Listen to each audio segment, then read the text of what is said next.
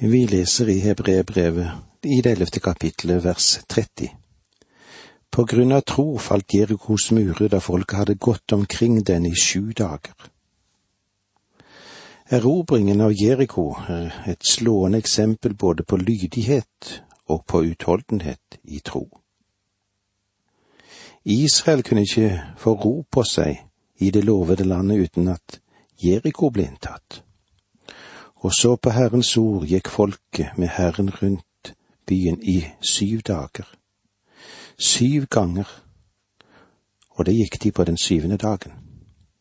Først da prestene støtte i basun den syvende gangen, skulle folket rope, for da skulle Herren oppfylle løftet. For Herren har gitt dere byen. Dette med de syv dager er uttrykkelig nevnt her fordi dette var en spesiell trosprøve. Murene sto jo like urokkelig inn til den syvende gang den syvende dag. De satset alt på Herrens ord og løftet i tro. Her møter vi Josva da, som har troens våkenhet. Hadde du møtt Josva på den femte dagen da de marsjerte rundt Jeriko, så hadde du vel kanskje sagt til ham, det ser ikke ut til at du kommer så veldig langt. Hvorfor driver du på med alle disse tåpelige tingene? Du er jo egentlig en general, og en ganske kløktig og klok og intelligent person. Men nå må jeg si du bruker ikke din intelligens på riktig måte. Hva tror du han ville sagt da til deg? Jo, han ville sagt kanskje noe som dette. Du har glemt at jeg så høvdingen for Herrens hær og han sa til meg at hovedkvarteret er ikke i mitt telt, men i himmelen. Og jeg fant raskt ut at jeg er egentlig ikke generalen. Jeg er en av offiserene, men jeg skal ta mine ordre fra ham. Og han ba meg om å marsjere rundt byen, og derfor gjør jeg det. Men vent og se, murene vil falle. Jeg følger den strategi som er satt opp av en som vet dette bedre enn jeg. I Josva ser vi altså troens våkenhet. Tro til å tro Gud. General Josva, han hadde lært det. Vi går videre til vers 31 og ser på Rahabs tro. Ved tro ble skjøgen Rahab reddet fra å omkomme sammen med de vantro, for hun hadde tatt imot speiderne med fred. Jeg vil gjerne kalle Rahabs historie for troens under. Hennes historie dukker opp i forbindelse med Jerikos murer. Hun bodde inne i byen, og jeg er sikker på at etter de sju dagene undret de seg på som bodde på innsiden, hva som ville hende. Ved tro ble skjøken Rahab reddet fra å omkomme sammen med de vantro. Ja, hvordan skulle vi tenke oss henne? En skulle nesten tro at hun hadde kanskje minst tro av alle de som bodde i Jeriko. Hun levde i en svært ond og hedensk og utesvevende by, og eh, hun praktiserte det som kalles verdens eldste håndverk. De som praktiserer den, er vanligvis sett på som syndere. Men likevel så sies det her at ved tro ble skjøgen Rahab reddet fra å omkomme sammen med de vantro. Jeg er sikker på at byens borgermester og de andre i fremstående posisjoner synes de var gode nok til å bli frelst. Men de ble ikke frelst. Vi ble fortalt at de omkom i byen på grunn av én ting. De trodde ikke. Vi vil her få se at Gud var svært sjenerøs i måten han håndterte saken på i Jeriko. Jeg vet at det er mange kritikere som finner mye å utsette på Guds måte å behandle folket på som bodde i Jeriko. Men la oss nå se litt nærmere på denne kvinnen Rab, fordi hun uttrykte sin tro på en meget bestemt måte. Da israelsfolket hadde krysset Rødehavet, fikk folket i Jeriko vite det og innbyggerne i Jeriko, de mistet motet. men de hadde aldri drømt om at Israels hær og folk kunne krysse Jordan under flomtiden. Det var ingen bro de kunne gå over, og elven gikk høyt på denne tiden. Men hvordan i all verden kunne da noen komme over? Folk i Jeriko følte at de hadde tid på seg til å planlegge et forsvar, og ikke behøvde å bekymre seg så veldig mye før flomtiden var over. Da sendte Josva speidere inn i Jeriko, og de kom i kontakt med skjøgen Rahab. Og de gjorde det klart for henne at de var på et bestemt oppdrag, og at de nå trengte beskyttelse, og at Gud ville gi Jeriko i hendene deres. Så mye informasjon fikk hun i alle fall, og hun tok dem inn og skjulte dem på taket i huset sitt. Og jeg kan tenke meg at hun løp en stor sjanse eller risiko for å miste eller tape sitt eget liv oppi dette. Hun ba om én tjeneste av disse mennene. Når dere har tatt byen, så ber jeg om at dere husker på meg og min familie. Jeg ber dere om å frelse oss. Og eh, de lovte å gjøre det. Det de ba henne om, var å henge ned en skarlagensrød tråd i vinduet så det huset kunne identifiseres, slik at Josfa, når han tok byen, kunne være forsiktig, slik at hun og hennes familie ble berget. Vi finner Rahabs vitnesbyrd i Josva-boken, i det andre kapitlet, versene ni til elleve. Og hun sa til dem, Jeg vet at Herren har gitt dere dette landet nå er det kommet over oss en redsel for dere, og alle som bor i landet er så redde dere at de skjelver. For de har hørt hvordan Herren har tørket ut vann i Sivsjøen foran dere da dere dro ut av Egypt, og hva dere gjorde med de to amorittkongene på den andre siden av Jordan, Sihon og Åg, som dere slo med bann. Da vi hørte om det, ble vi helt motløse og nå er det ingen som våger å møte dere, for Herren deres Gud er Gud både oppe i himmelen og her nede på jorden. Det er et underlig avsnitt, og det kommer fra en kvinne, og hun er en veldig åpenbaring av den sannhet at Gud ikke vilkårlig ødela Jeriko. Her fortelles det nemlig at i 40 år hadde dette ordet vært levende i Jeriko om at et folk som hadde krysset Rødehavet, med andre ord så sa Rahab, det var 40 år siden, da hørte vi om det, og jeg var en av dem som trodde det. Andre trodde også, men de trodde aldri på Gud, de stolte aldri på den levende Gud. Senere hørte de hvordan Gud førte Israel, og at han hadde gitt dem seier på den andre siden av Jordan mot amorittene. Jeriko burde ha lært en lekse av den informasjonen. Til sist krysset Israel på en mirakuløs måte over Jordanelven, og slo seg faktisk ned rett utenfor portene til Jeriko. Hva hadde Gud gjort? Han hadde gitt byen en mulighet til å tro på ham, stole på ham og venne seg til ham. I 40 år hadde de hatt en mulighet å gjøre dette på. Jeg går ut fra at det er helt åpenbart for oss alle at om Gud frelste denne skjøgen som trodde på han, så ville han også helt sikkert ha frelst Jerikos borgermester, og han ville ha frelst alle de andre i byen om de hadde stolt på ham slik som denne kvinnen gjorde det. Gud ville ha frelst. Han så alle på samme grunnlag. Han så dem som syndere. Alle har syndet og står uten ære for Gud. Rahab var kanskje en mer åpenbar synder enn borgermesteren var. Og jeg heller vel heller til den oppfatning at borgermesterens privatliv ikke ville ha tålt en grundig ransakelse. Og jeg er sikker på at det var også sant om mange andre som bodde der i byen.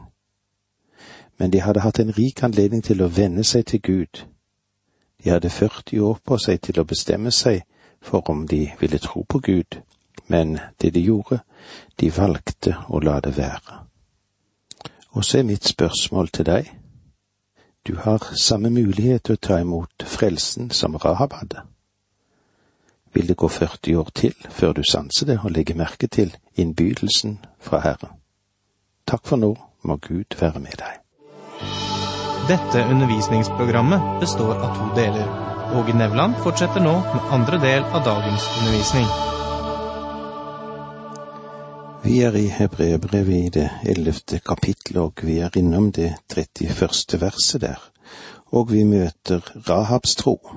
Vi har gått gjennom en del av troens helter opp igjennom i tidene, og vi vil senere i dette programmet komme inn på de andre av troens helter. Men la oss nå stoppe litt igjen ved Rahabs tro.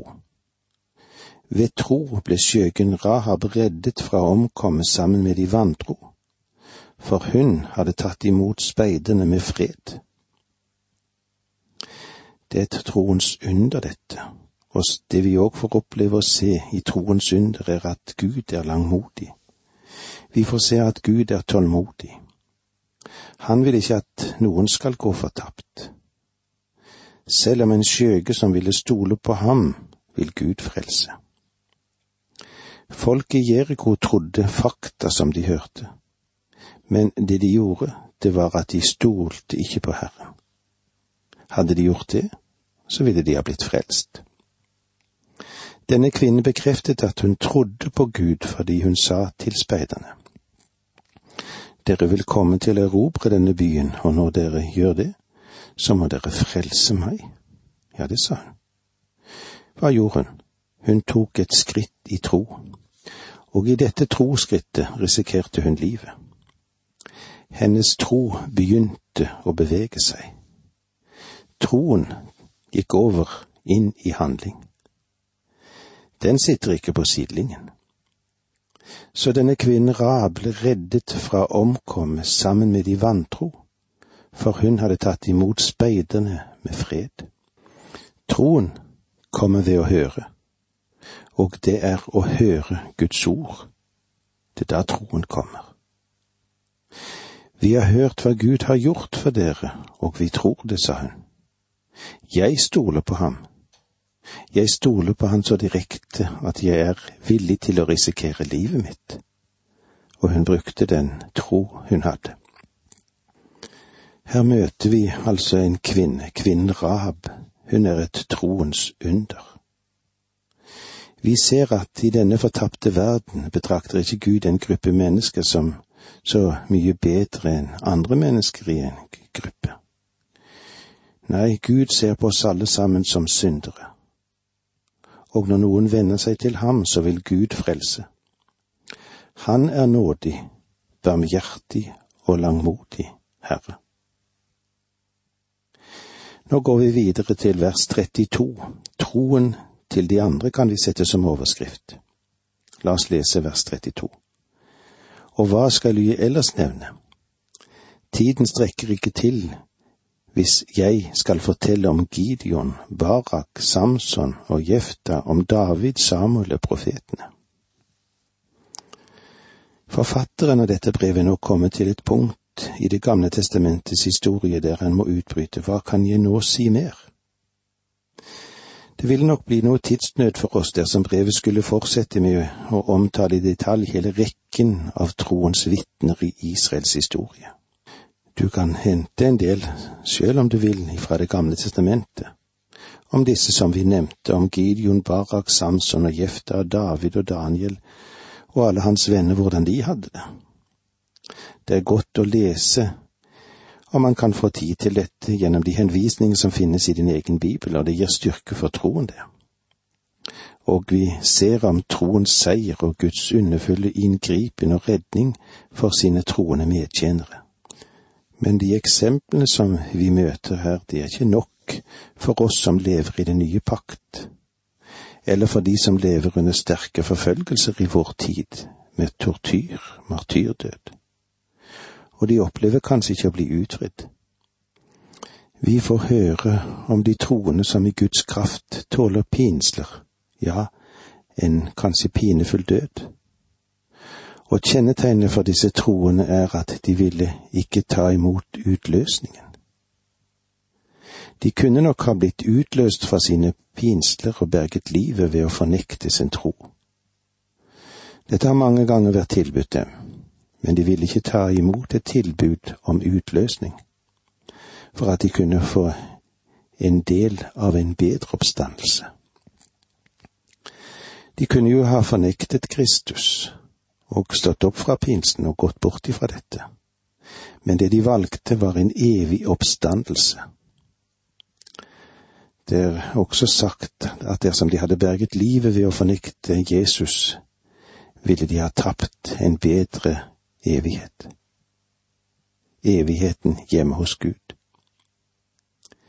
Ingen Kristus fornekte går inn til en evig salighet.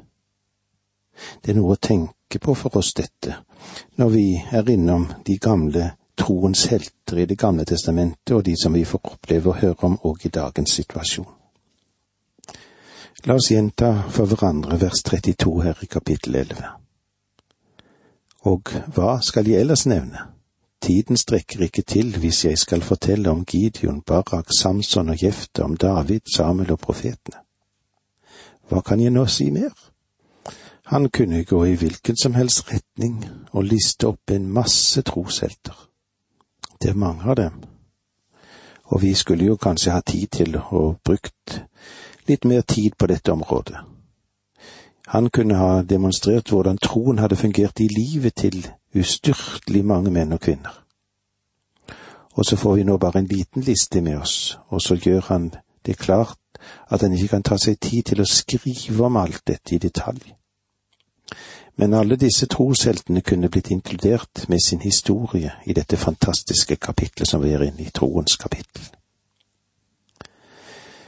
Vi ser troens kamp i livet til disse menn som han nevner. Ingen av dem ble beskrevet i detalj, men alle har noe felles. Alle de som er nevnt i dette verset, var herskere. Gideon, Barak, Samson, Jefta og Samuel var alle dommere. David var konge. De hadde alle lederposisjoner, og de var engasjert i Guds strid, og alle vant de troens kamp. Jeg vil heller ikke gå i detalj når det gjelder hver av disse som blir nevnt, men jeg skulle gjerne sette av en liten hake ved Gideon. Om det noensinne har vært et menneske som har vært svak i sin tro, så var det Gideon. Faktisk så var Gideon en svak personlighet, en med svak karakter. Nå da har jeg hørt at man har unnskyldt sin menighet ved å si at vi er bare noen få gideonittenes menn og det skal da uttrykke at dette er en svak og liten forsamling. Men det var ikke det lave antallet som var det særlige med Gideons menn. Det var den tro disse mennene hadde. Gideon var en mann som faktisk hadde en meget liten tro. Gideon var dommer ved den tid da medianittene hadde tatt Israel. Hebreerne kunne faktisk ikke engang høste det de hadde sådd. Medianittene tok alt fra dem. Den unge Gideon befant seg nede ved vinpressen og høstet korn. Det var ikke der han burde ha vært. For kornet ble vanligvis dratt opp på åskammen og kastet opp i luften der vinden kunne ta seg av agnene. I dette landet blåser vinden på ettermiddagen men Gideon, han var feig. Han tok kornet med seg ned til vinpressen, helt nederst i dalen, der ingen kunne se ham. Snakk om operasjon i smått. Du kan se for deg Gideon der han står og forsøker å kaste kornet opp i luften.